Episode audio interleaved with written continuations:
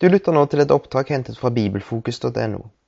Du kan kopiere det fritt i uforandret form til egen bruk eller til venner, men publisering på internett eller annen form for massedistribusjon er ikke tillatt. Det er heller ikke tillatt å fjerne denne meldingen. Jeg vil fortsette å prøve å belyse litt av disse tingene som vi har begynt på, fra Peters andre brev. Og Peters første brev og Peters andre brev henger veldig nært i sammen, selvfølgelig. Som jeg sa, så er Peters første, brev, eh, første kapittel i andre brevet en sammentrekning av det som Peter har talt om i det første brevet.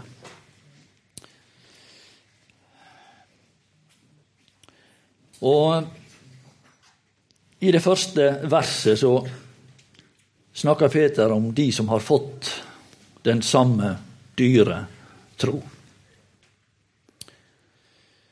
Og i det femte vers, så legg og just derfor all vind på i eders tro og vise dyd. Troen. Og den troen som vi fikk i utgangspunktet av den Herre Jesus, gjennom hans rettferdige liv, det vitnesbyrd som førte oss fram til Gud som gjorde at vi ble vunnet for Han. Han førte oss fram til Gud. Det er det som er temaet. Og Når jeg tenker på denne dyre tro, så er den jo en vidunderlig ting. Det er en egenskap. Det er noe som setter oss i den Gir oss den mulighet at vi kan på en måte bygge ei bru mellom Guds verden og vår egen verden. Den forbinder denne verden med Jesu Kristi evige rike. Og ved denne tro kan vi bevege oss mellom disse to verdener. Og ved trua så kan jeg da ta med meg verdifulle ting som ikke finnes i denne verden, tilbake og presentere det her. Og Derfor er det også det står at ved eders tro å vise dyd. Ting som ikke fins i denne verden. Ting som ikke kan, kan produseres i denne verden. Det er ting som hører til i en annen verden, men som skal bli presentert her og visualisere den evige verden her nede. Til frelse og oppbyggelse for de troende. Frelse for verden, oppbyggelse for de troende. Men denne bru den er også brukbar i en annen retning. Ved, ved denne tru så fører vi alt vårt og våre bort ifra denne verden. Og plasserer det alt sammen trygt i Jesu Kristi evige rike. Slik at når denne verden faller sammen, så er det alt trygt plassert på et annet trygt sted. Det er det som er vår mulighet. Og det dukka opp i dette brev en mann som heter Lot. Det er ikke tilfeldig. Han fikk den samme anbefaling. Har du ennu noen her, enten sønner eller døtre, da før dem bort fra dette sted. Lot er nevnt her. Det er ikke tilfeldig. Fly for ditt livs skyld idet jeg flyr bort fra fordervelsen i verden som kommer av lysten. Han hadde plassert seg der, der lysten rådde. Han hadde ikke flytt, men han fikk enda et budskap. Det var han som venta på hans omvendelse. Når du en gang omvender deg.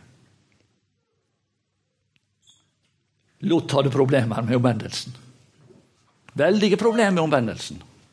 Han blei værende i lavlandet. I det, det som ikke kosta noe. På det makelige, rolige sted der han slapp å forsake noe. Fly for ditt livs skyld, eller for din sjels skyld, kunne vi kanskje lese ut av Peters brev, som var mektig til å frelse eders sjeler.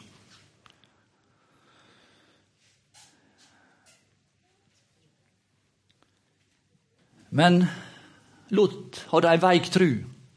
Derfor også var, det en bru som skulle bære noen bort ifra denne verden, ifra den, den, situasjonen der han sjøl bodde. Den var så veik at den bar ingen bort. Det står i 2. Peter 2,20.: De som har flyktet bort fra verdens urenhet. I 2,20. Ved å ha lært vår Frelser Jesus Kristus å kjenne. Det er det som er ressursen også her. Det er kjennskapet, nærheten, forbindelsen til Han som kan dra oss ut av alt dette. Så legg derfor all vind på, i vers 5, som vi la oss i går. Og vi etterlyste hva vi skulle sette inn støtet, ikke sant? hva vi skulle bruke våre krefter. Skal vi bruke kreftene våre på å trygle og be Jesus om å få komme til himmelen? Skal vi, skal vi lure på det hele livet? Skal vi, skal vi bruke kreftene på det? Nei, vi hører himmelen til, venner. Vi kommer fra himmelen. Vi kommer fra himmelen inn i denne verden fordi vi er himmelens borgere. Vi hører til der. Og Så velger, frivill, velger vi frivillig å gå inn i denne verden og representere Han.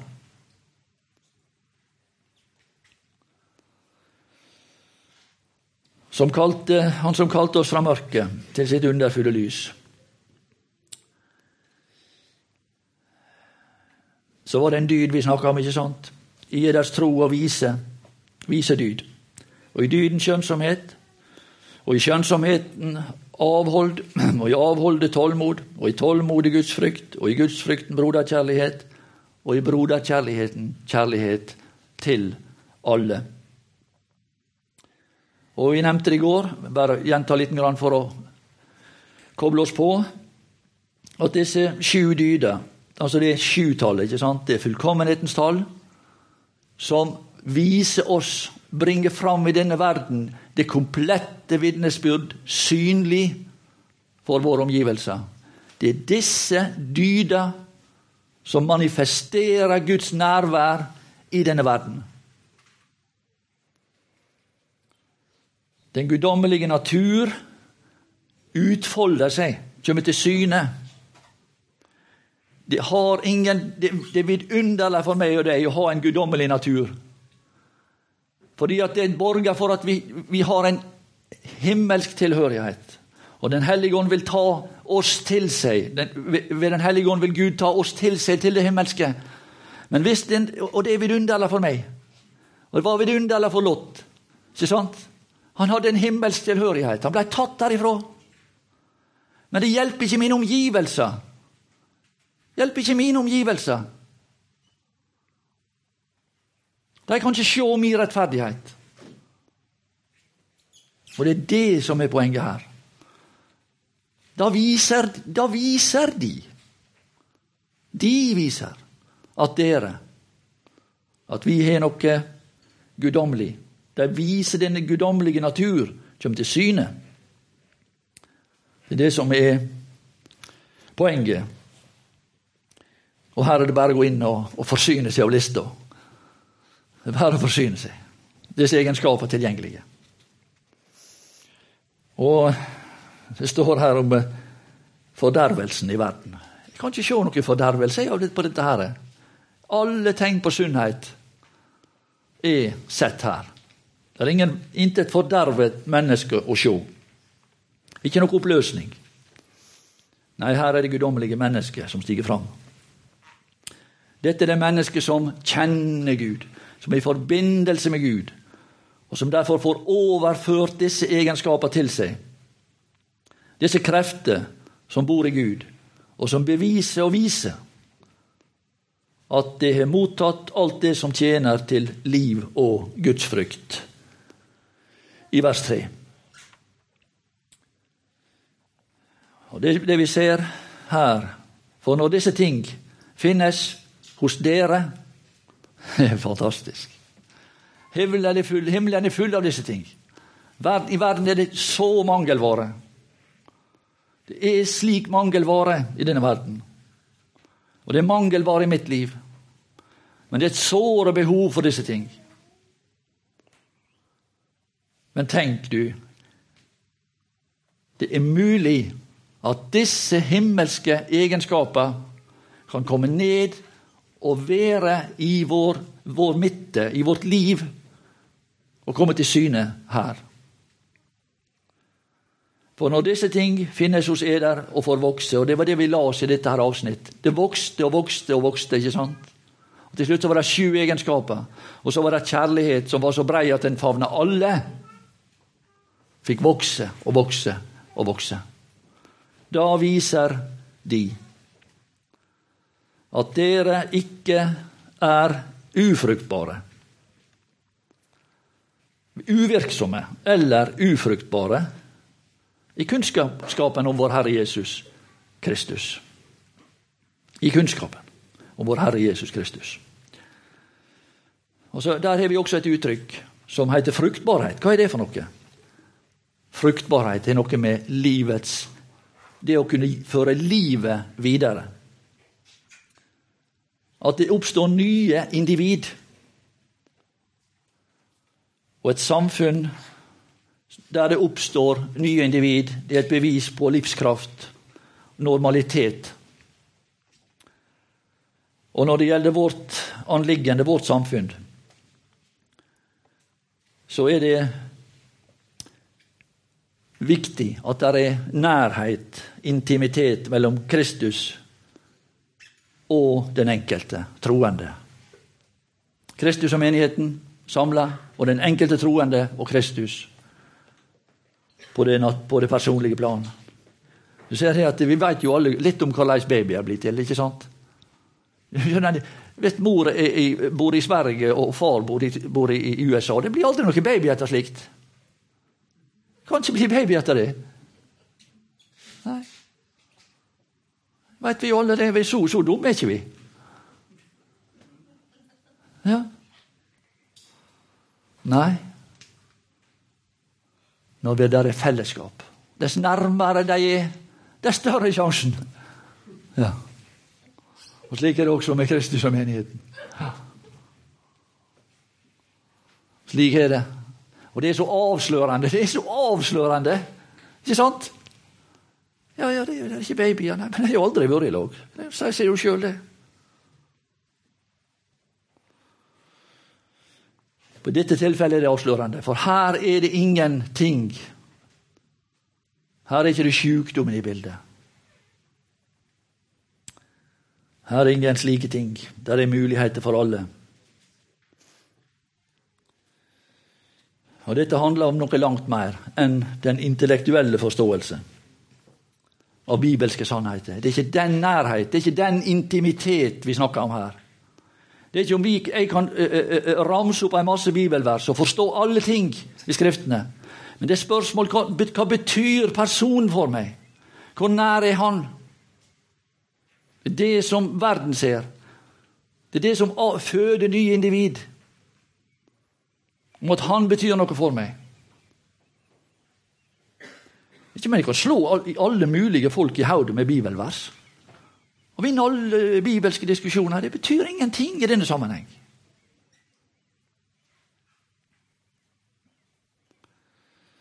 Og Det er godt å være med og kunne etablere og ha det siktemålet i livet. Jeg vil vise en vei til Kristus. Jeg vil være et alternativ for de som omgir meg. For den som ikke har disse ting, står der i vers 9. Han er ikke troende. Nei, han er ikke troende. Det var ikke det som står her. Men det står det at eh, han er blind. Han er nærsynt. Det er ikke det, altså, Spørsmålet om liv eller ikke er ikke tatt opp her. Det er ikke tema. Og det er ille nok å være blind idet han har glemt renselsen fra sine fordums synder. Her er ikke noe syn, ikke sant? Han har ikke evne til å se fjernt, se langt. Han er nærsynt, han ser bare de nære ting. Han har ikke evne til å se Kristi herlighet og plassere seg i den setting. Og Derfor så ser en heller ikke skiten hos seg sjøl.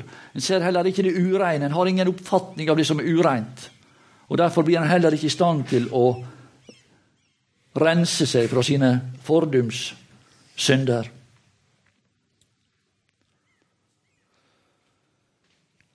Og Her ser vi det at vi som troende vi fortsetter med å vise verden våre fordumssynder. Det er det vi viser fram. Og det er ille. Og det er aldeles ødeleggende for vitnesbyrdet. Og uegnet til å føre noen fram til Gud. Og det er ingen som vil pikke deg på skuldra når, vi kommer i evigheten og sier det at ja, du førte meg fram til Gud. Tenk det, du. Hvis det var noen som kom oss i møte, så sa de ja, der er du, ja. Jeg kjenner deg igjen. Du førte meg fram til Gud. Du skal ha takk. Du ga meg den dyre tro.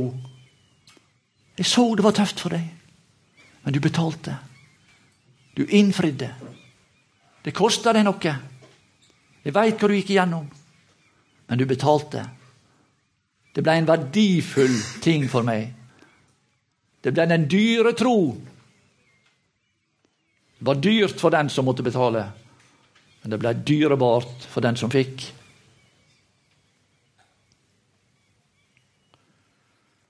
Ved ditt rettferdige liv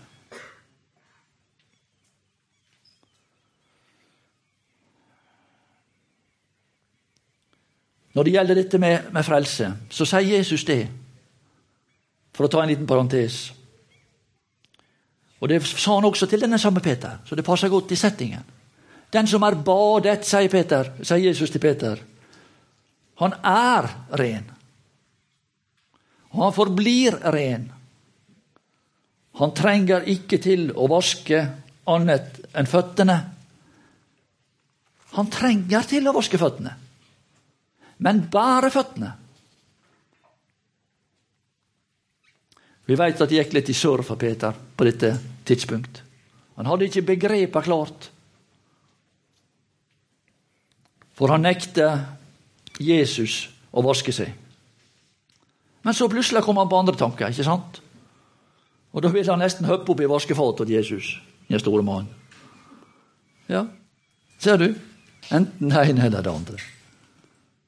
Men han lærte hvordan det var med, med, med renselsen, Peter.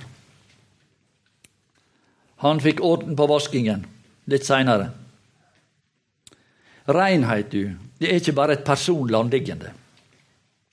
Hvordan kan vi representere no noe positivt når vi sprer ubehag og lukt, illeluktende innflytelse i vår nærhet? og forfall. Hvordan kan vi da representere noe godt? Allikevel så står den sannhet fast, at den som er bada, han er ren. Peter, fullt vask av deg er ikke nødvendig. Det er ikke lenger tema i det hele tatt. Dersom du, du ikke var bader, Peter, og dersom ikke du er rein, så hadde ikke du vært her hos meg. Du hadde ikke vært, hatt del i dette samfunnet. Du hadde ikke vært i dette her, denne settingen. Du hadde ikke hatt del i måltidet. Det er selve grunnen til at du er sammen med meg her, det er at du er rein. Men jeg, Peter, er ikke verken blind eller nærsynt. Og jeg har ikke glemt renselsen av dine synder.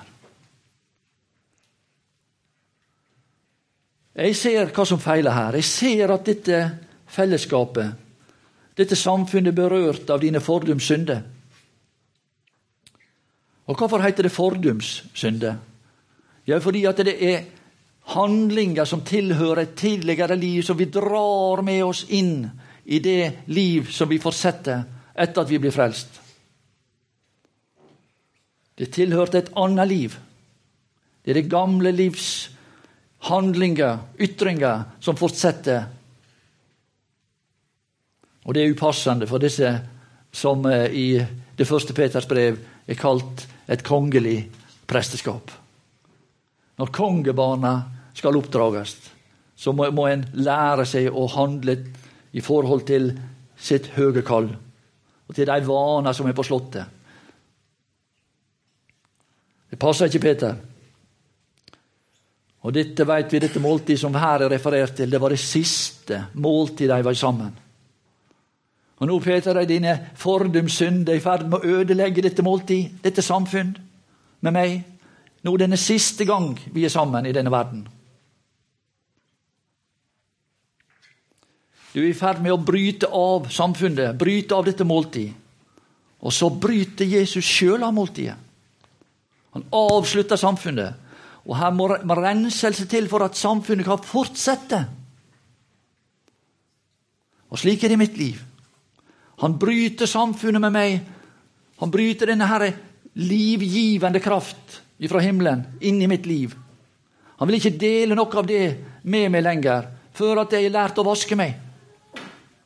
Og Det er det som er problemet, unge venner. Det er ikke det at du når, når, når dette skjer, så tror, tror, du at du er ikke frelst lenger, for de gode følelser opphører.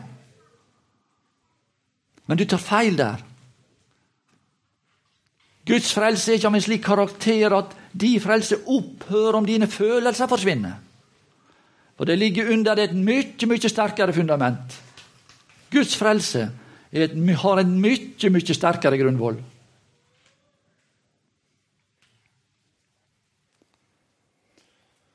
Nei, det er for å gjenopprette, ta bort det som er vondt, og som ødelegger samfunnet. At den Herre Jesus røyser seg og bryter. Bryter samfunnet på dette nivået, og så vasker han, og så gjentar han samfunnet med oss. Fører oss inn igjen. Og så er det som om ingenting er hendt. Som om ingenting er hendt. Så fortsetter han samfunnet med oss. Nei, Peter kom kun med foten. Og hva er foten? Det er det som berører, det er den del av, av, av legemet som berører denne verden. Der du kommer i kontakt med alt som er vondt i denne verden. Alt som affekterer deg. Alt du ikke kan unngå. Og alt du ikke vil unngå.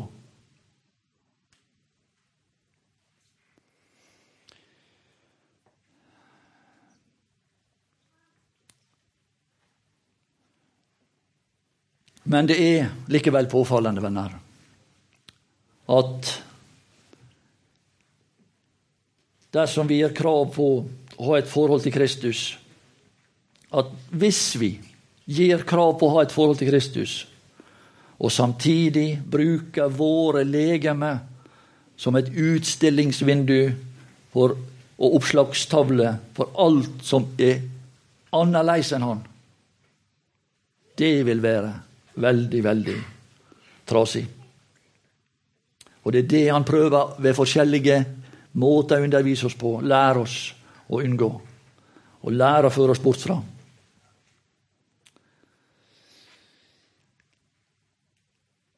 Ved en annen anledning så sier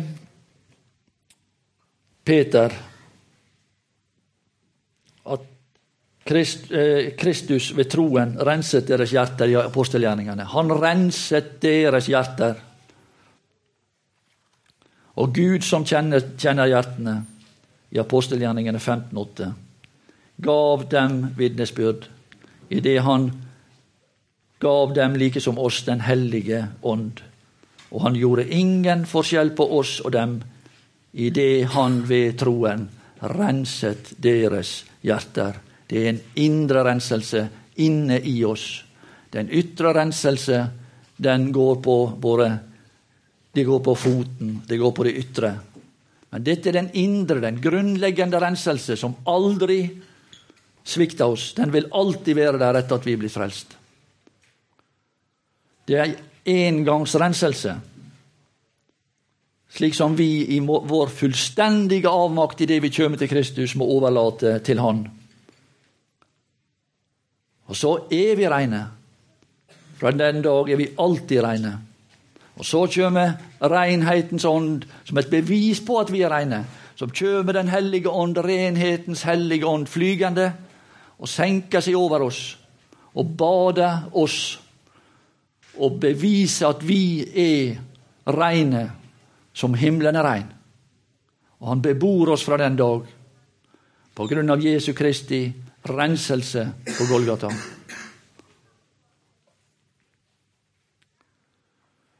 Men det unn, eh, unnlater oss ikke å snakke om den personlige renselse, det som berører oss i forhold til verden, der synden ennå er. Og fra den dag og for all framtid så er jeg og du i en totalt ny setting som aldri kan forandres. Og så dukker det opp at fra den dag kan det som før var totalt umulig, kan gjennom kjennskap, samfunn med Kristus og ved Den hellige ånd bli mulig.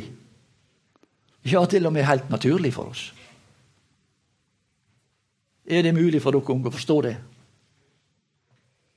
Jeg tenkte spesielt på at jeg skulle si det til dere. Men du skal også vite det, at ting kommer ikke drivende på ei fjøl.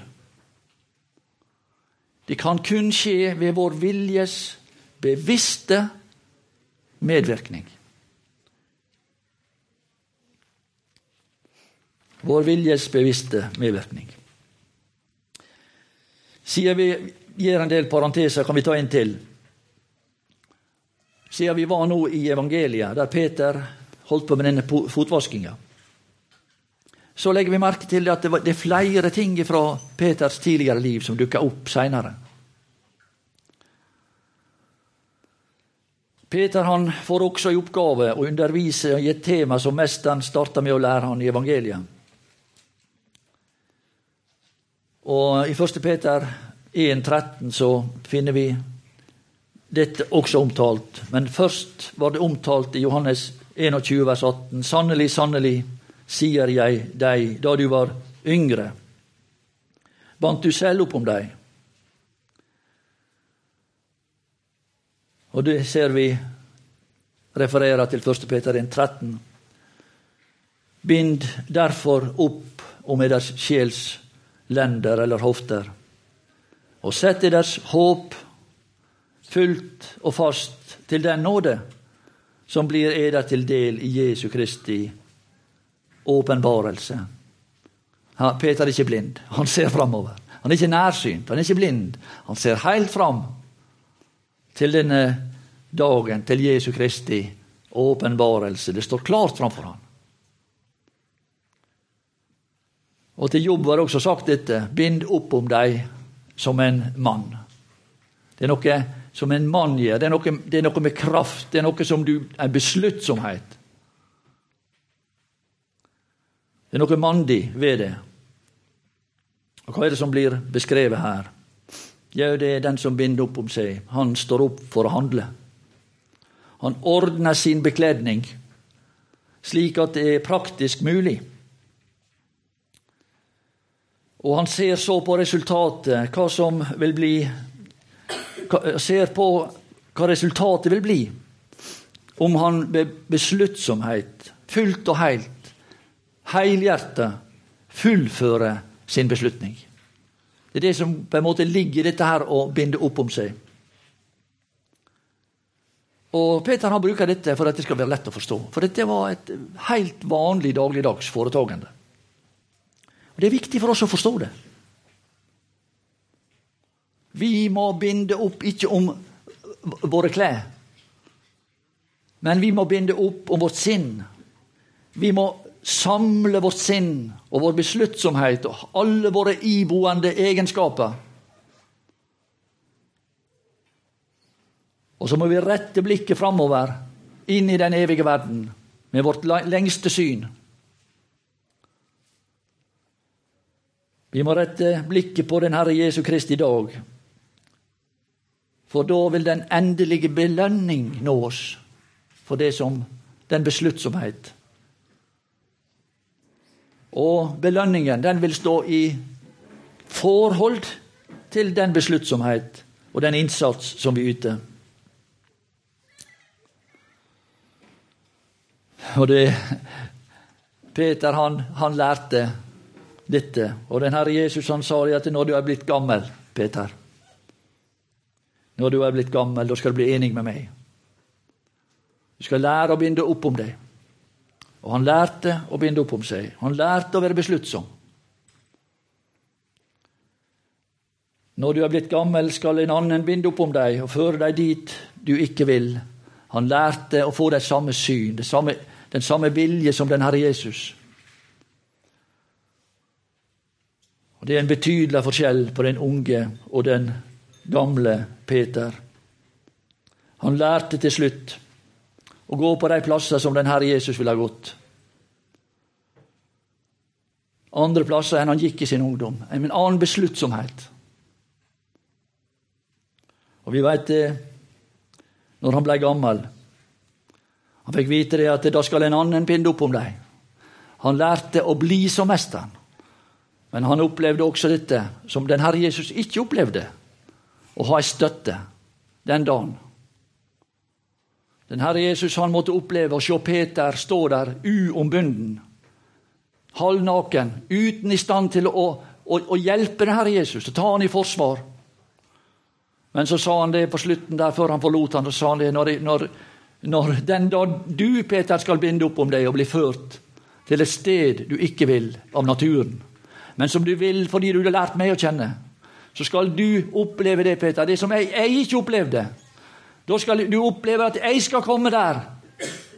Da skal jeg stå der ved sida di.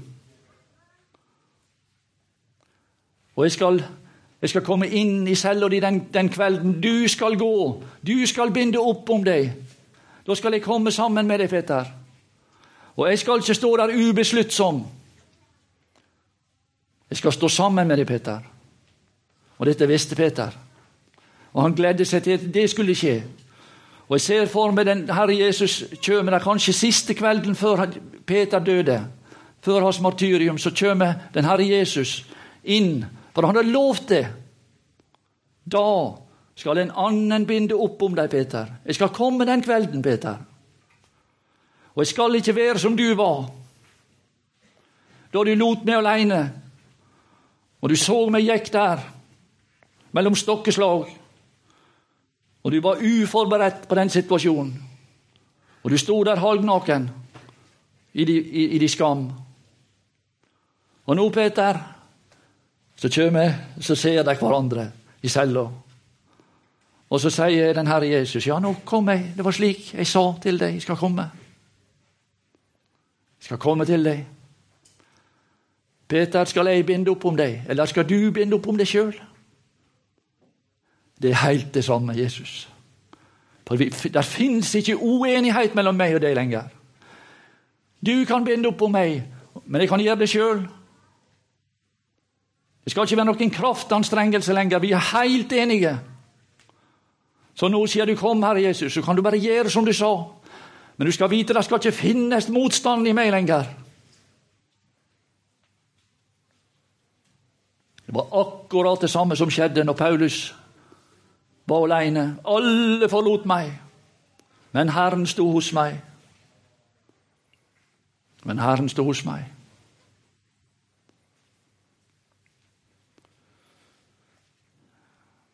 Det er den eneste, venner.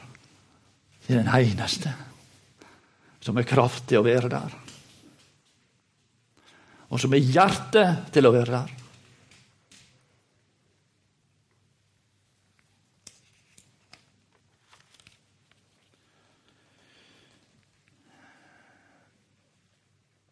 1.10. Peter, 2. Peter 1.10. Derfor, brødre Derfor, på bakgrunn av det vi tidligere talte om, legg enn mer vind på å gjøre deres kall og utvelgelse fast. Det er ikke vårt kall til frelse vi snakker om her, men vi er et kall i denne verden. Vi har oppgave i denne verden. Det ene er ikke til fortrengsel for det andre, men vi kan ikke alltid snakke om to ting samtidig. Det er vanskelig. Er deres kall og er deres utvelgelse fast? For når dere gjør handling, visuell Dette Dette Ikke hva som helst. Ikke enhver blir salig i sin tro, ikke enhver blir salig i sin handling. Ikke enhver gjør som en vil. Vi gjør ikke som vi vil. Hvis vi ikke lærer å gjøre som han vil, så vil vi få problem. Da skal dere ingen sinne snuble. Og hvis ikke, så vil vi snuble. Her er den gode vei, sannhetens vei, rettferdighetens vei og den beine vei, som blir nevnt i andre kapittel. Vil du finne disse uttrykk. Og vi oppfordres til å fokusere på hvorfor vi er her. Vår kall og vår utvelgelse. For på denne måte skal det rikelig gi seg der inngang i vår Frelser Jesu Kristi inngang i vår Frelser Jesu Kristi evige rike. Det er det riket som vi finner litt lenger ut i kapittelet, oppe på fjellet. Riket. Det er en vei som fører dit. Det er denne vei som fører dit. Det er veien med disse egenskapene når den Herre Jesus ser at vi tar hensyn til disse egenskaper, søker å føre disse ting fram i vårt liv, så ser den Herre Jesus det at her er noen som bryr seg. Så kommer han og så sier han dette. du skal bli med meg. Du skal opp på fjellet. Og han tok med seg, står der. Han tok med seg. Han tok ikke med seg alle. Det er en pekepinn om at det er ikke alle som viser at de bryr seg.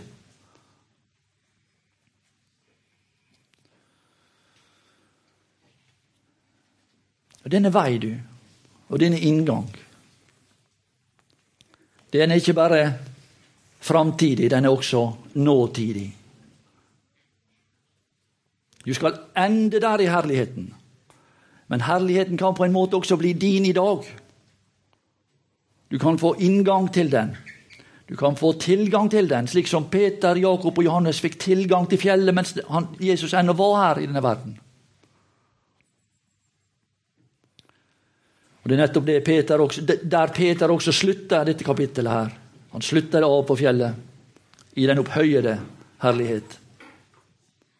Og dette som er den rikelige inngang, som blir oss gitt, det skal eder gis nå det skal gi seg der inngang. Dersom vi begynner på denne vei, som fører dit, og det finnes bare denne vei, sannhetens vei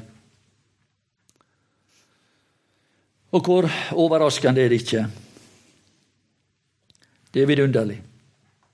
Og det er all mulig grunn til å flykte bort fra fordervelsen i verden og inn på troens vei. Og det vil ikke gå lenge, du, for at vi ser en liten dyd dukke opp. Som en liten hånd som vi leser om. Som en liten hånd der, i, i, der som profeten var på fjellet. ikke sant? Det kom til syne en liten hånd. En sky som stor som en liten hånd. Og det kan fort bli mer dersom disse krefter begynner å virke på oss. Kan bli til en stor flod som omfatter alle som vi la oss her ved begynnelsen kjærlighet til alle. Og Peter han hadde begynt. ikke sant? Hva begynte han? Han begynte med den Herre Jesus i evangeliet, i, Johannes, eh, i Matteus 17. Der ved fjellet. Og han fikk et spørsmål. Og han, han fikk inngangsspørsmålet. Kan, kan jeg? Ja, Det var inngangsspørsmålet. Og Hvis du nå dumper, Peter, og ikke kan svare rett på det, ja, så får ikke du bli med lenger. Du er en levende Guds sønn. Ja, det er helt rett, Peter.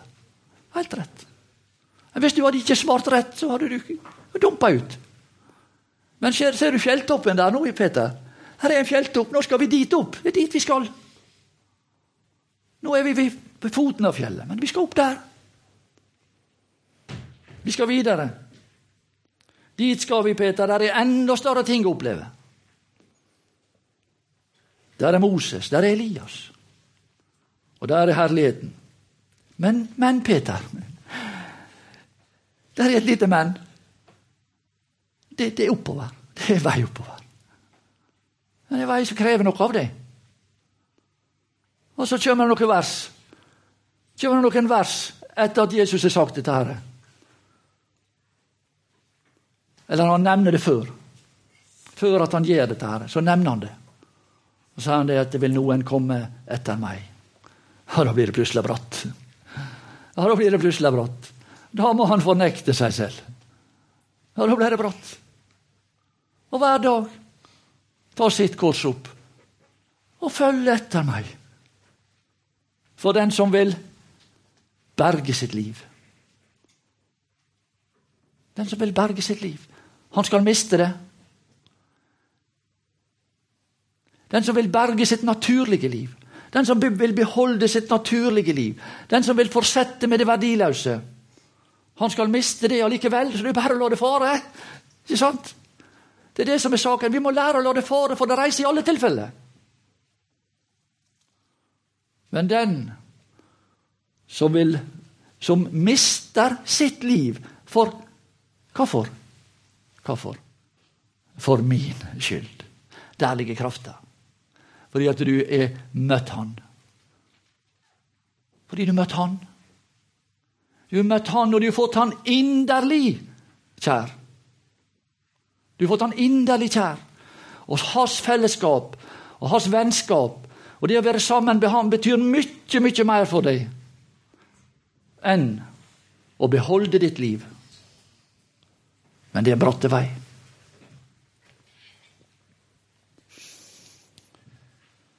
Det er krevende, men denne veien er ikke stengt, venner. Denne veien er ikke stengt. Vil noen komme etter meg, da må han fornekte seg selv.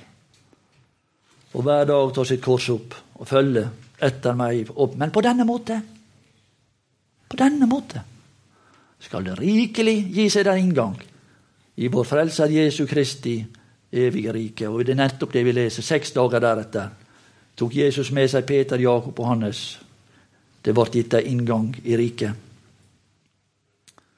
Det var starten på denne sannhetens vei. De hadde flyktet bort fra fordervelsen i denne verden, som kommer av lysten. Og Jesus var. Han så på dem. Han så på dem, og så sier han det at eh, der er fjellet. Nå går vi. Nå går vi sammen med meg opp og inn i herligheten. Der skal vi alle ende, men det er ikke bare en endelig bestemmelse. Det er også en nåtidig opplevelse.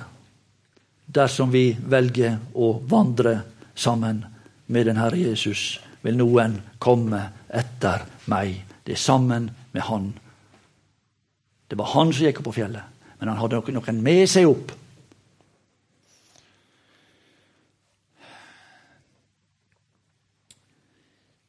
Peters andre brev kan deles i to deler.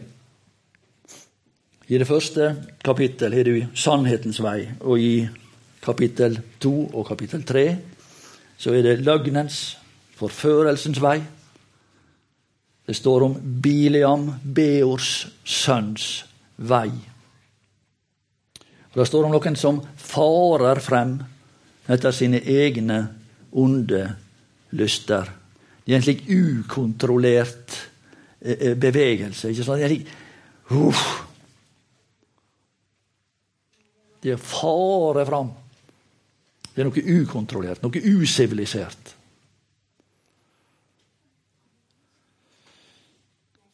Og vi skal lese litt, ta litt tid til det.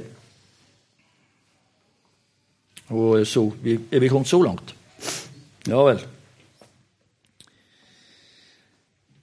Men det oppsto også Også, selvfølgelig også, når, når det gode er åpenbart, ikke sant? Ja, da kommer Satan. Da kommer det også. Det er, akkurat, det er alltid slik. Den Herre Jesus gikk ut og sådde noe godt i sin aker.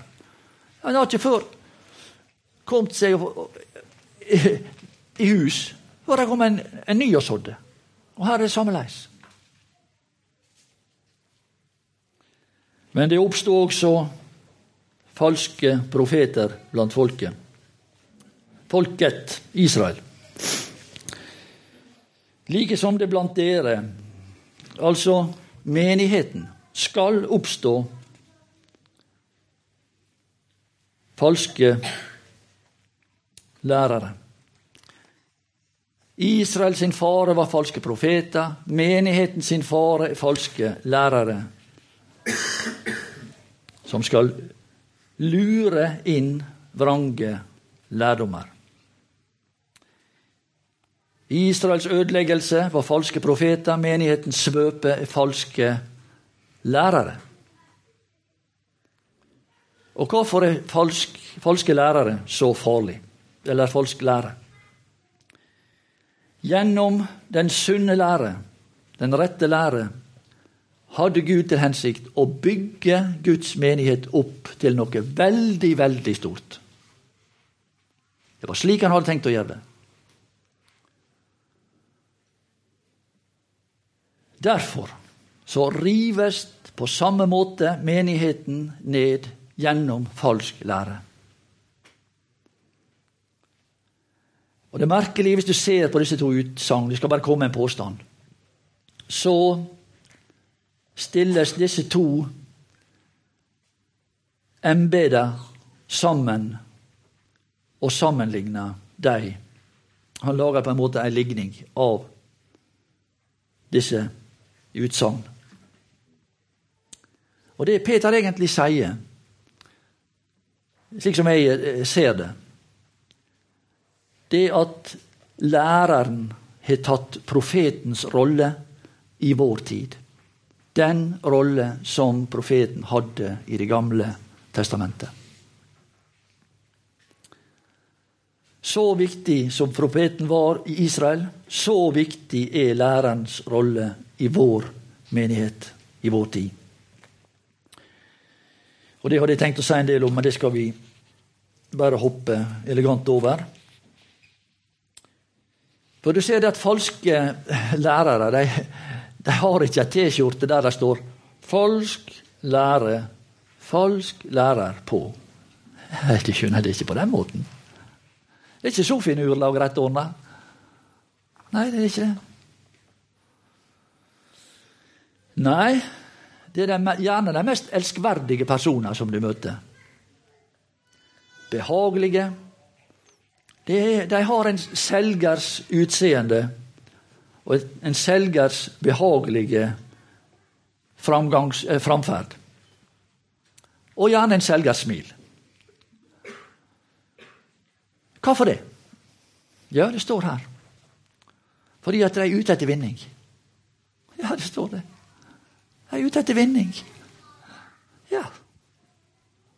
Jeg skal ha noe, jeg skal få noe. Jeg skal ha noe, jeg skal få noe her skal komme noe på meg. Det er det som er motivet. De er ute etter noe fra deg. De er ute etter vinning. Ære, posisjon, opphøyelse, tilbedelse, eller til og med også penger. Men det står heller ikke på T-skjorta. Merkelig nok. Og av havesyke skal de med opp diktede ord. Du ser at det er ord. Det er ord her også. Læreren benytter ord. Og denne personen bruker, bruker også ord. Nå begynner det å bli vanskelig å avsløre.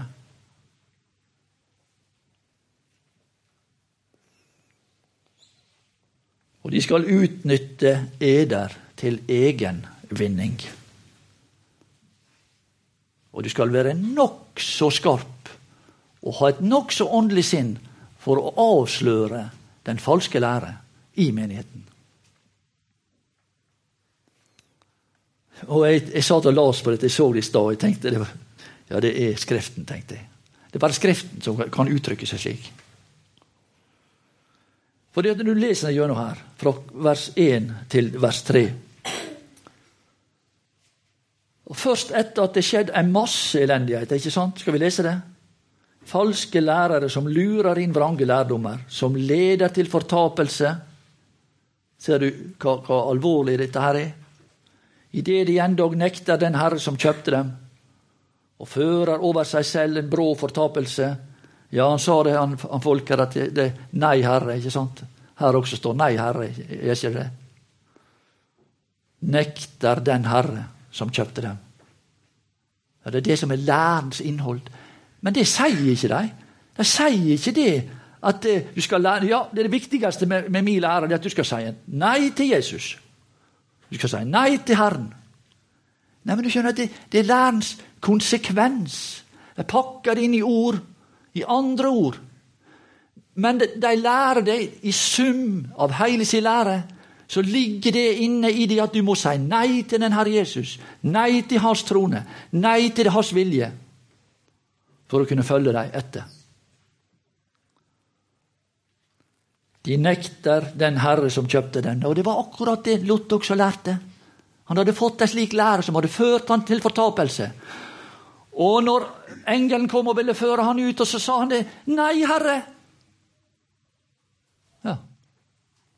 Og det står i samme Peters brev.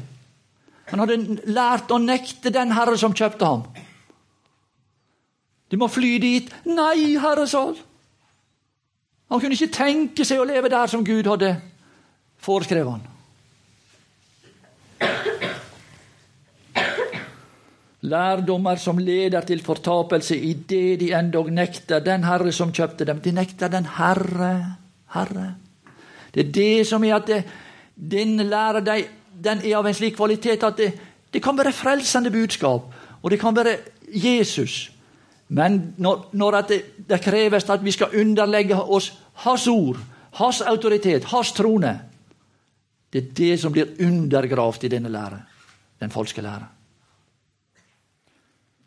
Nekter den Herre som kjøpte dem, og fører over seg selv en brå fortapelse, og mange skal følge dem etter i deres skamløshet og for deres skyld skal sannhetens vei bli spottet, og hele vitnesbyrdet gå tapt. Og så først etterpå, når alt dette skjedd, da får vi vite grunn i vers 3. ikke sant? Det er ikke det bare Skriften som kan på en måte som kan på en måte avsløre dette her. Det er lett å være etterpåklok, ser du. For det er det som blir vist her, hvordan vi er etterpåkloke. Vi var ikke i stand til å avsløre dette, her, og så fikk de gå helt til at vitnesbyrdet var Utsletta.